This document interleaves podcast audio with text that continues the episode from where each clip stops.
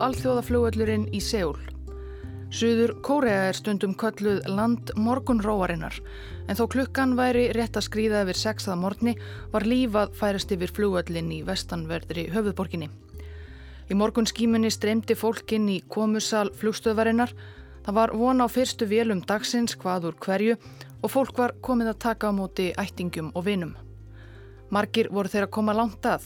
Fimm mínútur yfir sex var áætlað að New York vel þjóðar flugfélagsins Korean Airlines lendi eftir 17 tíma ferði yfir hálfan hnöttin.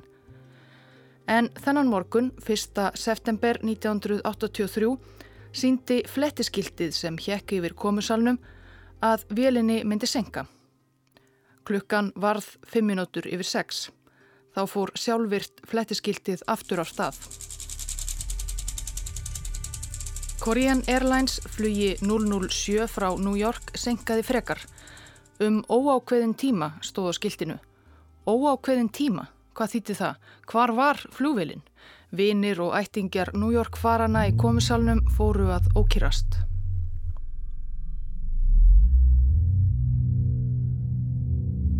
Þau áttu öll langa ferð fyrir höndum. Flugið frá JFK flugvelli í New York til Seúl var einn lengsta ferð sem Korean Airlines bauð upp á. 17 klukkustundir, 13.000 kilometrar. Flest þeirra sem röðuðu sér í Boeing 747 risaþótuna skömmu eftir miðnætti að staðartíma í New York 31. ágúst 1983 voru suður kórisk. Margir byggu og störfuðu í bandaríkunum og voru á leið heim að heimsækja ástvinni. Aðrir voru á leiði tengiflug eftir langferðina til Seúl eins og einn kanadíska Mary Jane Hendry, 25 ára frá Ontario, sem var á leið til Tókjó þar sem hún hafi fengið starf hjá fjárfestingarfélagi og þar sem hún ætlaði að byrja nýtt líf. Seúlborg var hins vegar loka áfangastadur Larrys MacDonald, 48 ára þingmanns í fulltrúadeild bandaríkja þings. Hann var á leið að taka þátt í háttíðahöldum vegna 30 ára afmælis varnarsamnings bandaríkjarna á Suður Kóru. Very definitely, we have been at war. It's an economic war, it's a war of subversion, it's a war of espionage, it's a war of ideas, and it's a war of terrorism and infiltration. McDonald, demokrati frá Georgíu sem þótti meðal íhaldsumustu þingmanna, jável fanatískur í hægri mennsku sinni, hafði verið lengi á ferð nú þegar.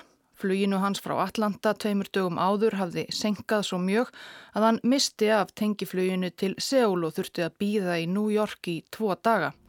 Nú var hann loksins að leggja í hann.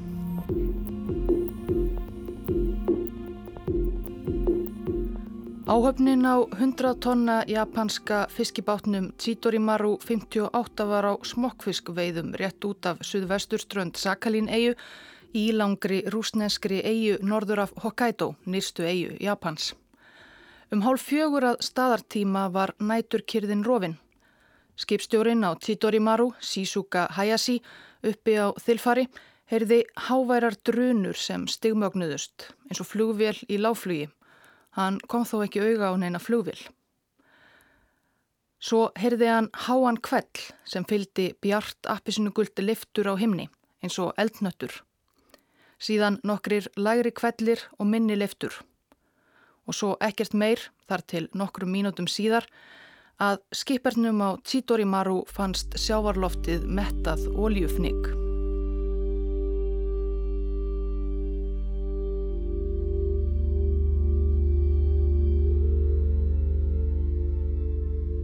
Flugferðin var í tveimur leggjum. Fyrst flög 747 þóta Korean Airlines með 269 manns innan borðs frá JFK til Anchorage í Alaska. Sú ferð tók 7 klukkustundir. Flugstjórin Chung Byungin var þöll reyndur, hafði flóið fyrir Korean Airlines í 11 ár og þar áður verið flugmaður í söður kóriska hernum. Hann hafði verið heiðraður af vinnveitenda sínum árið áður fyrir flekklausan feril. Og hann hafði flóið þessa leið ótalsinnum áður. Sjáum síðar hafði hann einfallega sagt við konu sína og tvö börn þegar hann hjælt af heimili sínu í Seúl nokkrum dögum áður. Ekkert að gera sérstatt málur, bara enn einn vinnuferðin til New York og tilbaka. Boeing-þotan beigð á Anchorage flugvelli í eina og halva klukkustund á meðan verið var að dæla í hana meira elsneiti og fylla á mat og drikk fyrir farþega. Farþegunum bauðst að fara frá borði en alls ekki allir nýttu sér það, vildu kannski frekar bara ná upp svefni. Larry MacDonald, þingmaðurinn íhaldsami, svaf allavega í sæti sínu á fyrsta farimi. Þær voru raunar tvær 747 þótunar og flugu í samfloti. Korean Airlines flug 15 fyldi rétt á eftir flugi 007 báðar á leið til Seúl. Flug 007 lagði af stað setnileg ferðarinnar klukkan fjögur að staðartíma í Alaska. Framundan var 8 tíma flug yfir Kirrahafið.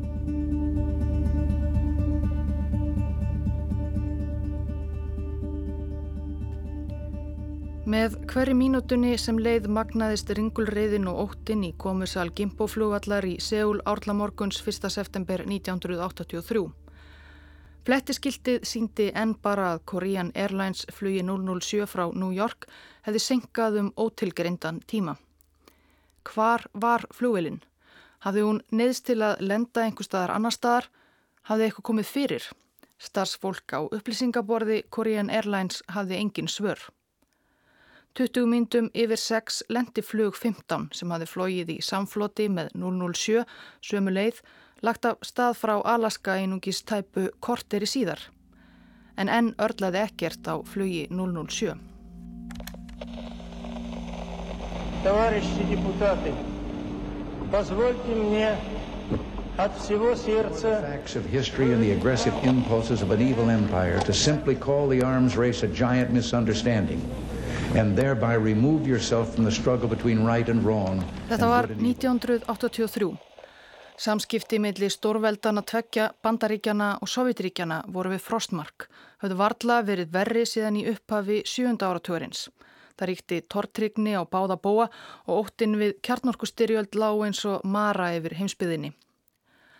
Leið Korean Airlines 007 og 15 lág yfir Kirrahafið frá Alaska með framströndum Sovjetiríkjana yfir Japan og loks á áfangastað í Suður Kóriu. Vélinn fyldi alþjóðlegri flugleið sem kallaðist R-20 milli Alaska og Asíu, sérstaklega skilgreindri flugleið fyrir farþegaflug sem snitti vel hjá sovjaskri lofthelgi. Á þessum viðsjárverðu tímum gættu sovjetmenn lofthelgi sinnar vel. Eftir flugtak tók við rólegur tími hjá flugstjóranum Tjón Bjóngin og félögum hans í flugstjórnarklefanum, aðstofarflugmanninum Son Dong-hui og velstjóranum Kim Yi-dong.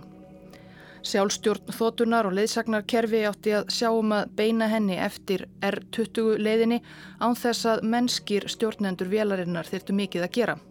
Leiðin var greið og mennirnir spjöldluðu.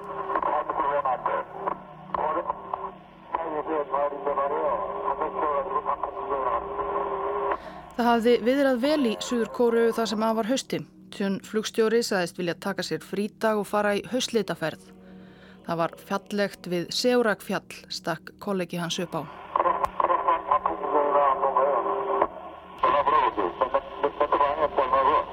Flugmennir urðu þess ekki varir en aðeins um tíu mínútum eftir flugtak frá Alaska hafði vélinn þeirra tekið ranga stefnu nokkuð til hægri eða norðurs af áalladri flugleið eftir R20. Ekki mikið í fyrstu en vélinn hjælt þessari stefnu og fjarlægðist í fyrirhugaða flugleið sífælt meira með hverjum raungum kilometranum. Flugmennir virðast ekki hafa áttað sig á þessu, jafnvel þegar leið á flugið.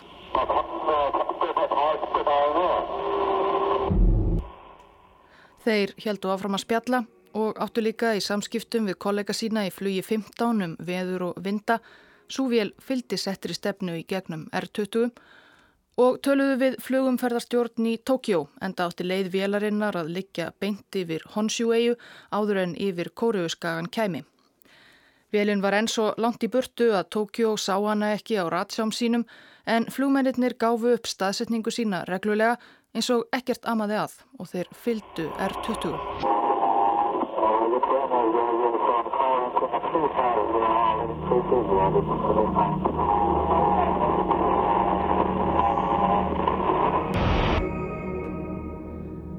Um þremur klukkustundum eftir flugtak frá Alaska voru flestir farþegar um borði Korean Airlines flugi 007 eflaust í fasta svefni. Fyrir utan vélina sást ekkert nema næturmyrkrið. En vélin var þá þegar komin um 300 kílometra af leið. Hún var ekki lengur að stefna til Seúl.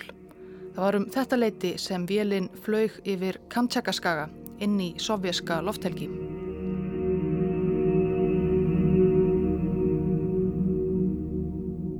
Rétt fyrir hálf átta að morgunni 1. september næri einni og hálfur í klukkustund eftir að flug 007 hefði átt að hafa lent báðu talsmenn Korean Airlines mannfjöldan í komisalnum á Gimbóvelli að halda rósinni. Flug 007 sögðu þeir hafi lendi örlitlum örðugleikum á leiðinni til Seúl. En það væri engin ástæða til að óttast. Vélinn hafði meira en nóg eldsneiti til að halda áfram á flugi lengi enn. Svo sögðu þeir ekki meir og það varð æg erfiðara fyrir fólkið í komisalnum einmitt að halda rósinni. Hjá flugumferðarstjórn á Narita flugvelli í Tókjó klóruðu mennsir í hausnum. Um nóttina hafðu þeir verið í sambandi við tvær suður kóreiskar farþegaþotur sem voru báðar á leið til Seúl en svo var eins og önnur þeirra hefði bara horfið.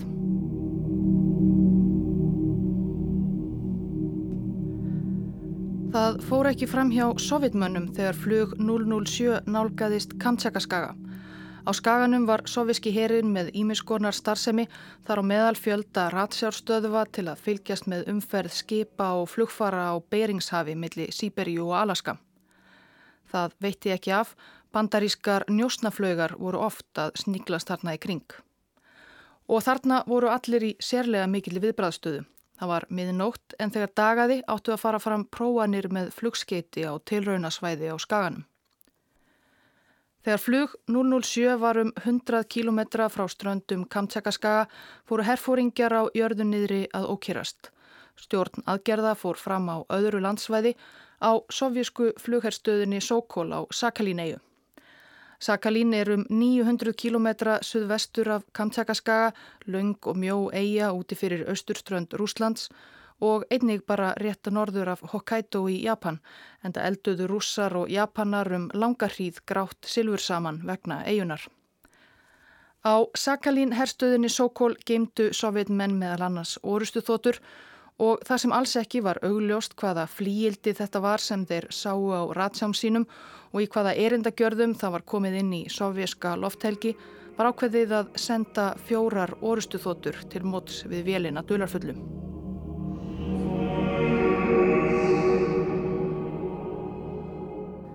En öllu þessu fyldi talsverð ringulreið á jörðunniðri á Sakalín Þegar orustu þótturnar voru loks komnar af stað reyndust þær ekki hafa nægilegt eldsneiti til að komast alla leið yfir Kamtjaka og þefa uppi óbóðana gestin. Það er snéru aftur á eiguna og klukkan tifaði.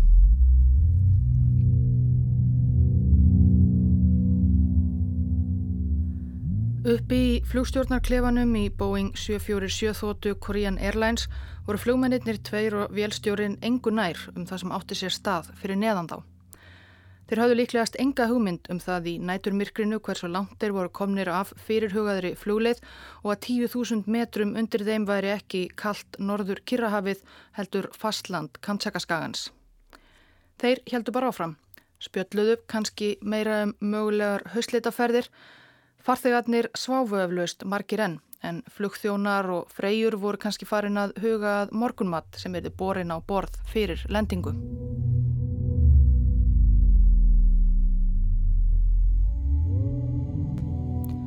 Tæpum tveimum tímum síðar var Korean Airlines flug 007 komið yfir Kamtsakaskaga í heilu lægi og aftur yfir í alþjóðlega lofthelgi yfir Okotskavi sem skilur að Kamtsakaskaga og Sakalín.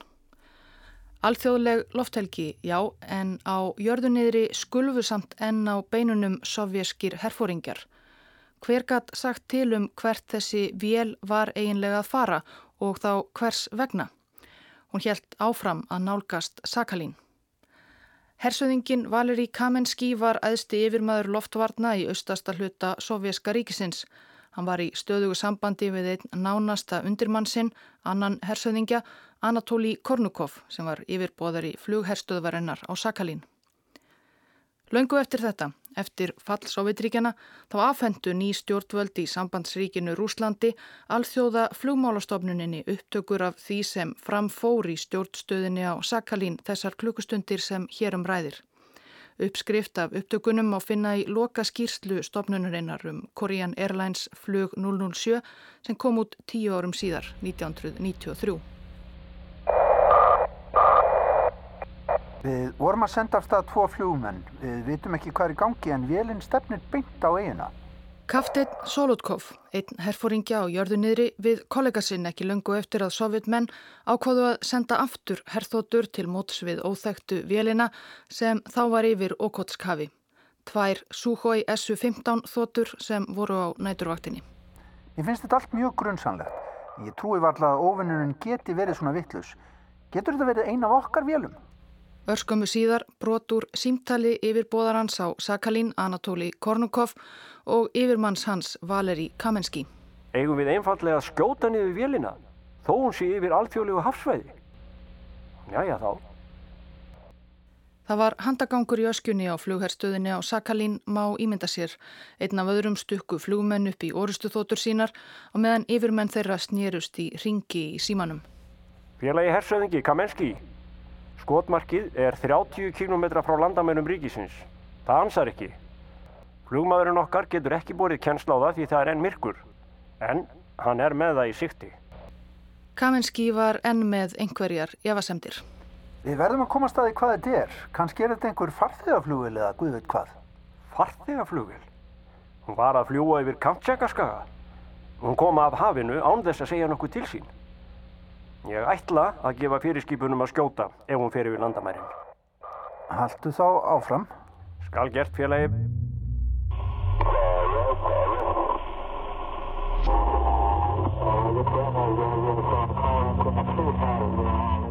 Í flugstjórnarklefunum spjalluðu þremenningarnir.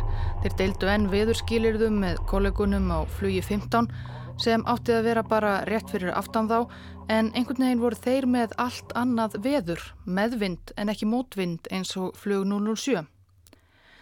En enn grunaði yngan virðist vera hvers mjög flug 007 hafði vilst af leið. Flugstjórin og aðstofarflugmaðurinn röppuðu um sínar lengstu flugferðir og gjaldeyri skrifstofuna á Gimpoflúvelli. Var ekki örglega hægt að skipta dólarum yfir í Suður Kórisk von þar?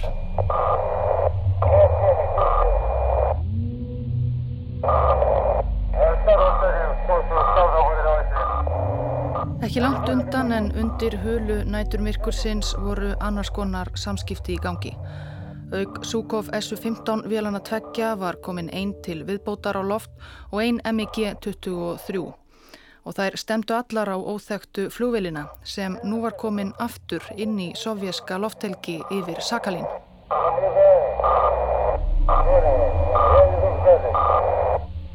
Fremstur í flokki við stýrið á Suhoi SU-15 þótunni sinni sem var sér hönnuð til ymmit þessa að elda uppi flugvelar óvinnarins, ef þetta var þá óvinnur.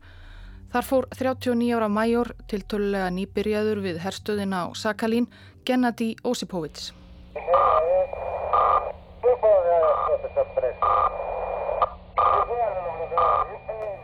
Eftir flug nokkra stund tilkynnti hann yfirbóðurum sínum á jörðu niðri loksins að hann kæmi auga á skotmarkið, hvað sem það var.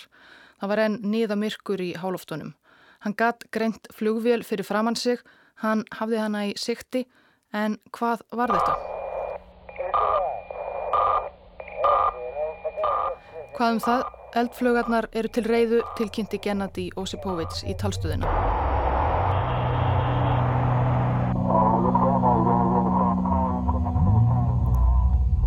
Í henni dularfullu flugvél sem í raun og veru var Boeing þotta með 269 manns innan borðs, söður kóruðu menn á leið að hitta ættingja sína í gamla landinu, ungar konur á leið til nýra tækifæra í Asíu og bandaríska þingmenn á leið á pólitíska fundi og allt þar á milli.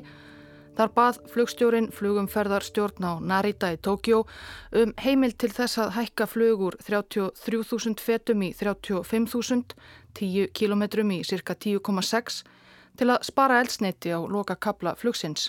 Heimildin var veitt.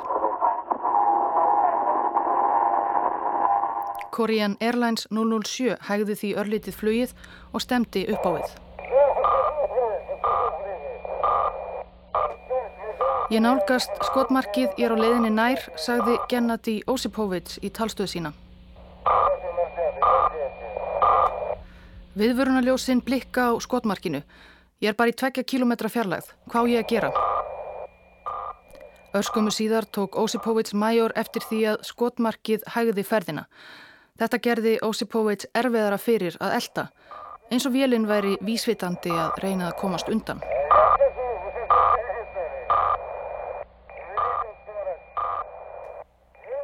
Á jörðunniðri, Anatóli Kornukov hersöðingja og yfirmanni herstöðvarinnar Sokóla og Sakalineju fannst sá undirbóðari sinn sem sá um samskiptin við Osipovits og hina flugmennina ekki vera að standa sig. Gera sem ég gó. Hættu þessum vittlisísgangi í stjórnstöð.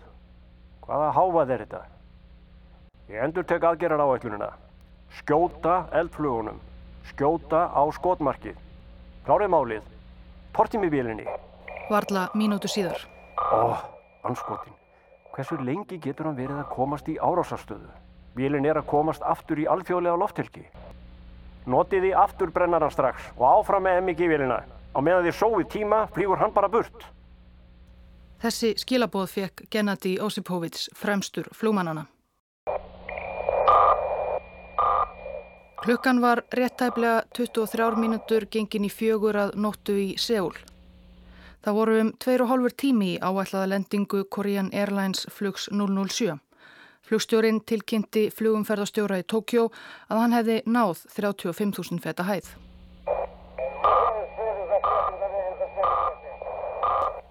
Á meðan tilkynnti Gennadi Osipovits yfir bóðurum sínum Ég er að komast upp að skotmarkinu, flaugarnar eru læstar á það. Fjarlæðin 8 kilometrar. Ég er búinn að skjóta af.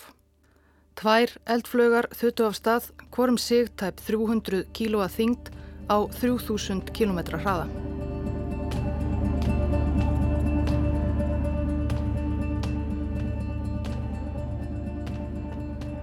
Á þeim litla hluta upptökunar úr flugreita Korean Airlines flugs 007 sem svo var gerður aðgengilegur almenningi er erfitt að greina sjálfa sprenginguna eða sprengingarnar en við verðum að ætla að þær hafi heyrst nokkuð vel í þótunni sjálfri. Það má heyra viðvörunarkerfi vélarinnar fara á fullt. Og flugmennina kalla til flugumferðarstjórnar í Tókjó að vélinn sé að missa þrýsting ört og þeir ætli að lækka flugið verulega.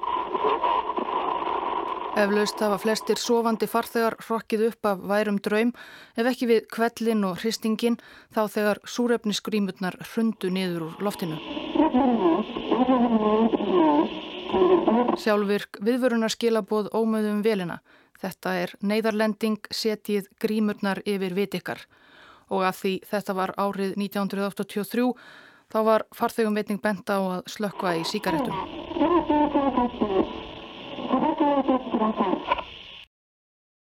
Svo endar upptakan úr flugreita þótunar.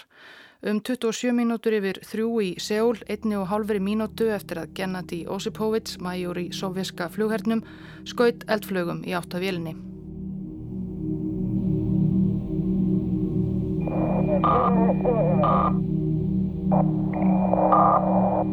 Osipovits tilkynnti andartaki síðar að skotmarkinu eins og þeir kölluða sovjetmenninir hefði verið tortímt.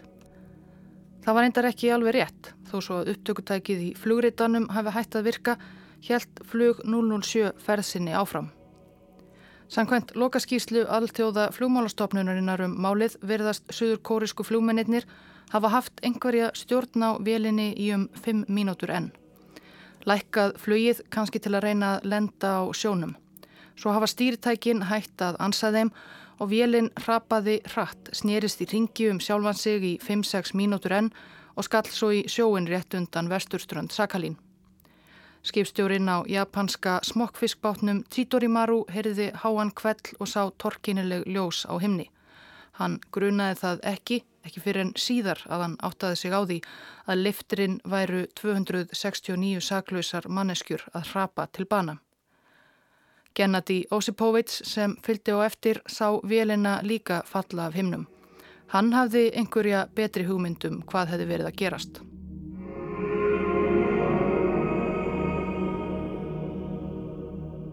Um borði vélinni voru 246 farþegar og 23 manna áhöfn. 105 voru frá Suður Kóru, 62 frá Bandaríkunum, 28 frá Japan, 23 frá Tæfan, 16 frá Filipsegjum, 12 frá Hong Kong. 8 kanadamenn, 5 tælendingar, 4 ástralar, allt einn fjölskylda, 2 brettar og svo einn vietnami, einn indvergi, dominikumadur, írani, malasíumadur og svíi. 22 börn undir 12 ára aldri.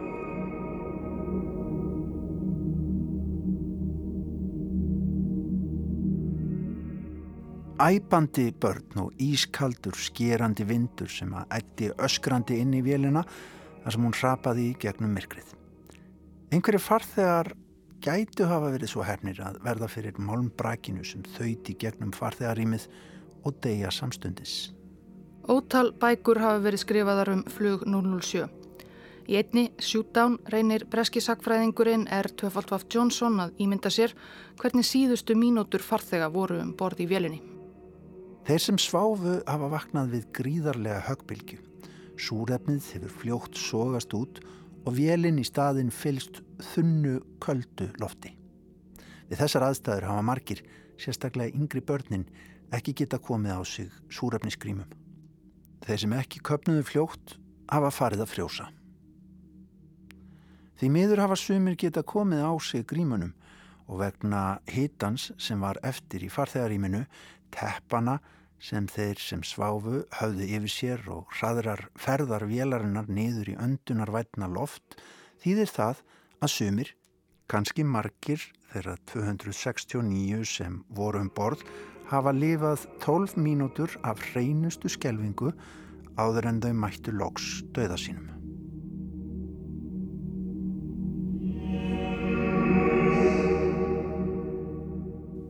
Tíu að morgni 1. september 1983 var mannfjöldin sem enn beigð í komusal alþjóðaflúvallarins í Seúl að ganga af vitinu.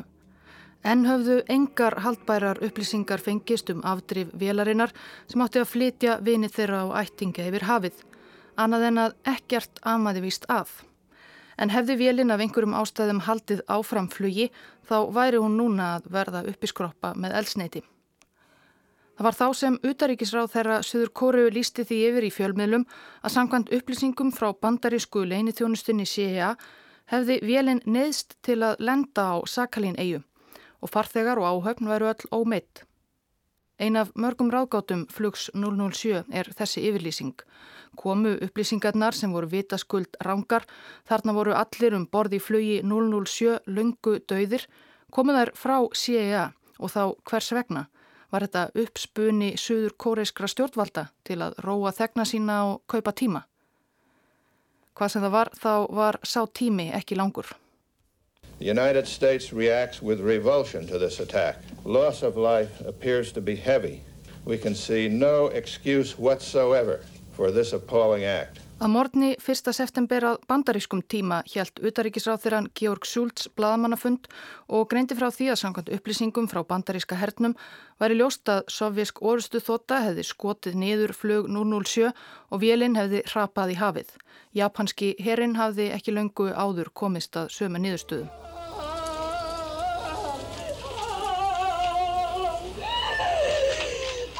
Mikil sorg greip um sig í Suður Kóriu og miklu víðar og ekki bara sorg líka reyði í garð sovjetmanna sem höfðu grantað farþegaflúvil á alfriðsamlegu ferðalagi og myrt 269 manns á fjöldafundum í Seúl brendu frávita mótmælendur sovjíska fána. This crime against humanity must never be forgotten, here or throughout the world. There was absolutely no justification, either legal or moral, for what the Soviets did. Í ávarpi til þjóðarsinnar 5. september 1983 fordæmdi Ronald Reagan bandarækjafósiti þar sem hann kallaði villimannslegan mannúðarglæp sovjetmanna harlega. Hann spilaði upptöku úr njósnastöð bandaríska hersins af samskiptum SU-15 flugmannsins Gennady Osipovits við stjórnstöð á jörðunniðri þegar hann siktaði á skotmarkið og let gossa. Despite the savagery of their crime, the universal reaction against it, and the evidence of their complicity, the Soviets still refused to tell the truth. Sovjetmenn nefnilega neituðu enn öllu. Fyrstu fréttir sovjaskra ríkismiðla voru að Erlend Boeing-vél hefði vissulega flóið inn í sovjaska lofthelgi en síðan flóið ósnert út úr henni aftur. Það var ekki fyrir en nokkrum dögum síðar í ljósi sönnunargagna sem hrönnuðust upp hjá Erlendum ríkjum að sovjask stjórnvöld játuðu að hafa skotið nýður vélina. En fullirtu ennfremur að þetta hefði ekki verið neitt sakleisislegt farþegaflug, heldur hefði vélinn flóið ljóslaus, greinilega bandarist njósnaflug dölbúið sem farþegaþóta.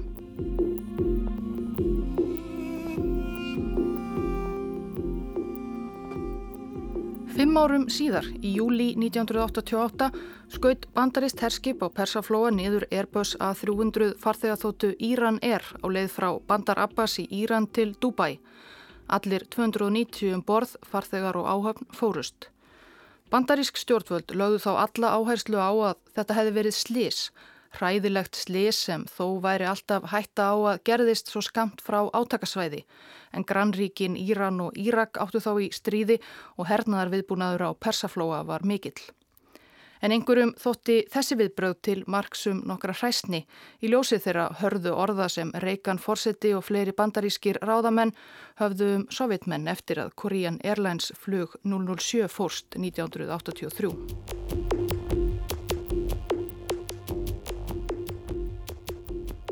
Vegna hinnar miklu spennumilli Sovjetríkjana og Vestrætnaríkja var ákveðið að fá hlutlausum aðila rannsókn á afdrifum flugs 007 alþjóða flugmálastofnun saminuð þjóðana. En rannsakendur hennar áttu erfitt verk fyrir höndum. Í tíu vikur leituðu bandarísk og japonsk skip og kafbátar á hafinu þar sem talið var að flug 007 hefði farist, með engum árangri. Ekki fannst þar tangur nýja tettur af vélinni, áhöfnennar eða farþegum. Jú reyndar eitthvað örlítið rak á land í Hokkaido í norður Japan. Smá bútar af braki greinilega úr flugvel, hluti af flugvelasæti, slitinn súrefninsgríma, eitt spennið sætisóladnar ljósaskildi. Líkamsleifar, 13 alls, allar svo ítla útleiknar að engin leið var að bera á þær kennsl, meðal annars hluti af búk kvítirarkonu með rauðbrúnt hár og hluti af asísku barni. Ímis fatnaður og drasl, gerfitennur, bækur, dúka, átta kaffibodlar mertir Korean Airlines og nafnskýrtinni Mary Jane Hendry, 25 ára frá Ontario í Kanada sem hafi verið á leið að byrja nýtt líf í Tókjó.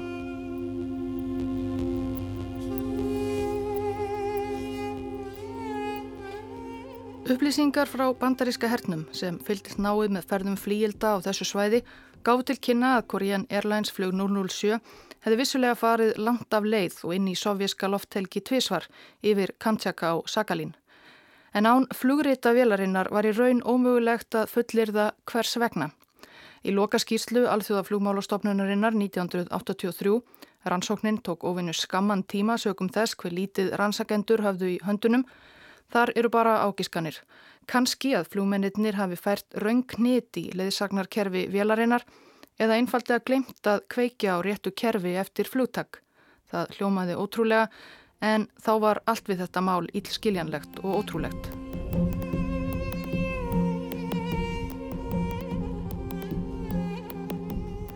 Það sem rannsakendur alþjóðaflugmálastofnunarinnar vissu ekki þá var að sovjetmenn höfðu fljótlega fundið brak velarinnar ítla farið á hasbótni en haldið því kyrfilega leindu. Þeir höfðu meira segja fundið báða flugritana. Það kom í ljós loksins eftir fall Sovjetríkjana 1992 þegar Boris Jeltsin, rúslandsforsiti, afhendi full trúum suður kóreiskra stjórnvalda og alþjóða flugmálastofnunarinnar flugritana við aðtöfni í Seúl.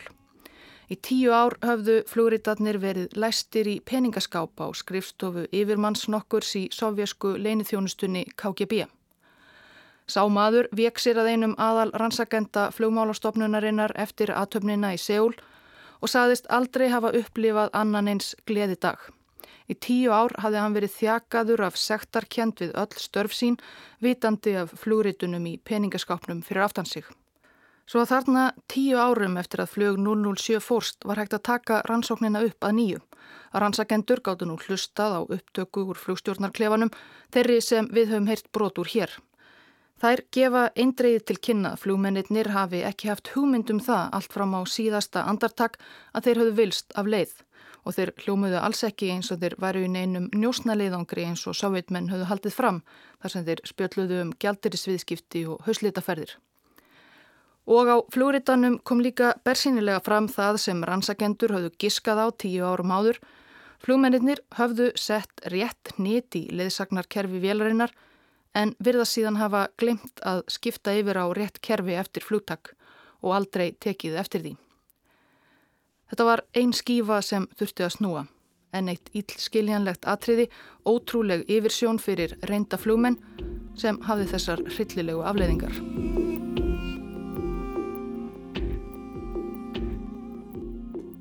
Lokaskýrsla Alþjóðaflugmálastofnunarinnar 1993 skýrði margt en ekki eitt.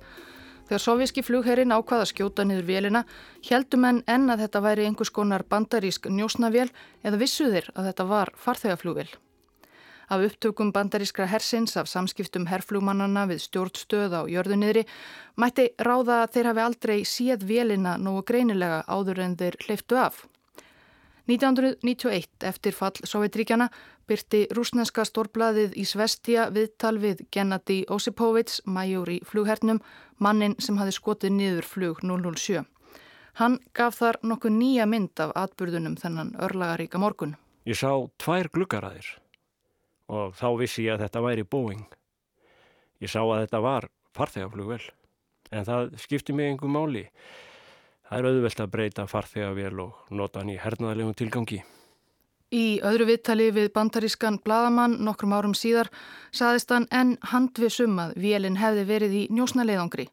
Í öllum hamaganginum hafði hann ekki tíma til að segja yfirbóðurum sínum nákvæmlega hvað hann sá. Ég sagði þeim á jörðin ekkert að þetta væri eins og Boeing-vél. Þeir spurðu mig ekki. Osipoveit sagðist ennfremur hafa orðið súr að hafa bara fengið 200 rúbla bónus fyrir næturverkið. Það voru tæp mánadarlaun hans, venjan var að borga tvöföld mánadarlaun í bónus fyrir svona aðgerð. Hann tjáði sig gjarnan um flög 007 þar sem eftir var ævinar, hann lést 2015, en saðist alltaf jafn fullvisum að hann hefði skotið niður njósnavél og hann yðraðist það ekki. Kanski það sem hann þurfti að segja sjálfum sér, saði einn af rannsakendum alþjóða flugmálastofnunarinnar í nýlegum heimildathætti Aircrash Investigation um málið til þess að lifa með því að hafa orðið valdur að dauða 269 manns.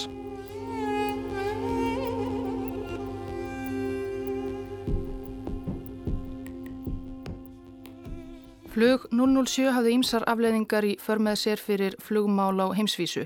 Flugvilaframleðendur gerðu margar breytingar á stjórntækjum sjálfstýringar og leðsagnarkerfa í vélum sínum. Og Reikan bandarækjaforsetti tilkynnti í öðru sjónvas ávarpi 16. september að ákveðið hefði verið að gefa frjálst nákvæmt gerfinhatta staðsetningarkerfi sem hinga til hefði bara verið aðgengilegt bandaríska hernum. Kerfi sem við erum í dag flest með í bifræðum okkar, úrum eða símtækjum og þekkjum sem GPS.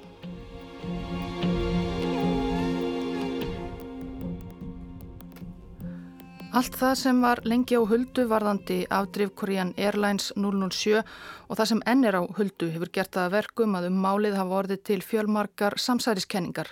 Einhverjir trúa því staðfastlega líkt og Gennadi Osipovits að velin hafi verið yfir sovjaskri lofthelgi í annarlegum tilgangi til njósna eða hún hafi verið skotið niður vísvitandi til að breyða yfir njósnaferðir annara bandarískra flugvila í nágruninu eða til að efna til stríðis millir stórveldana eða að ætlunin hafi verið af einhverjum ástæðum að ráða þingmannin Larry MacDonald af dögum og svo framvegis og framvegis.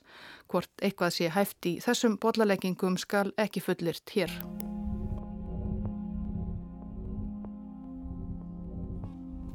Þjóðar flugfélag Suður Kóru, Korean Airlines, flýgur enn reglulega milli New York og Seúl en hefur ekki lengur viðkomu í Alaska og notar ekki lengur flugnúmerið 007.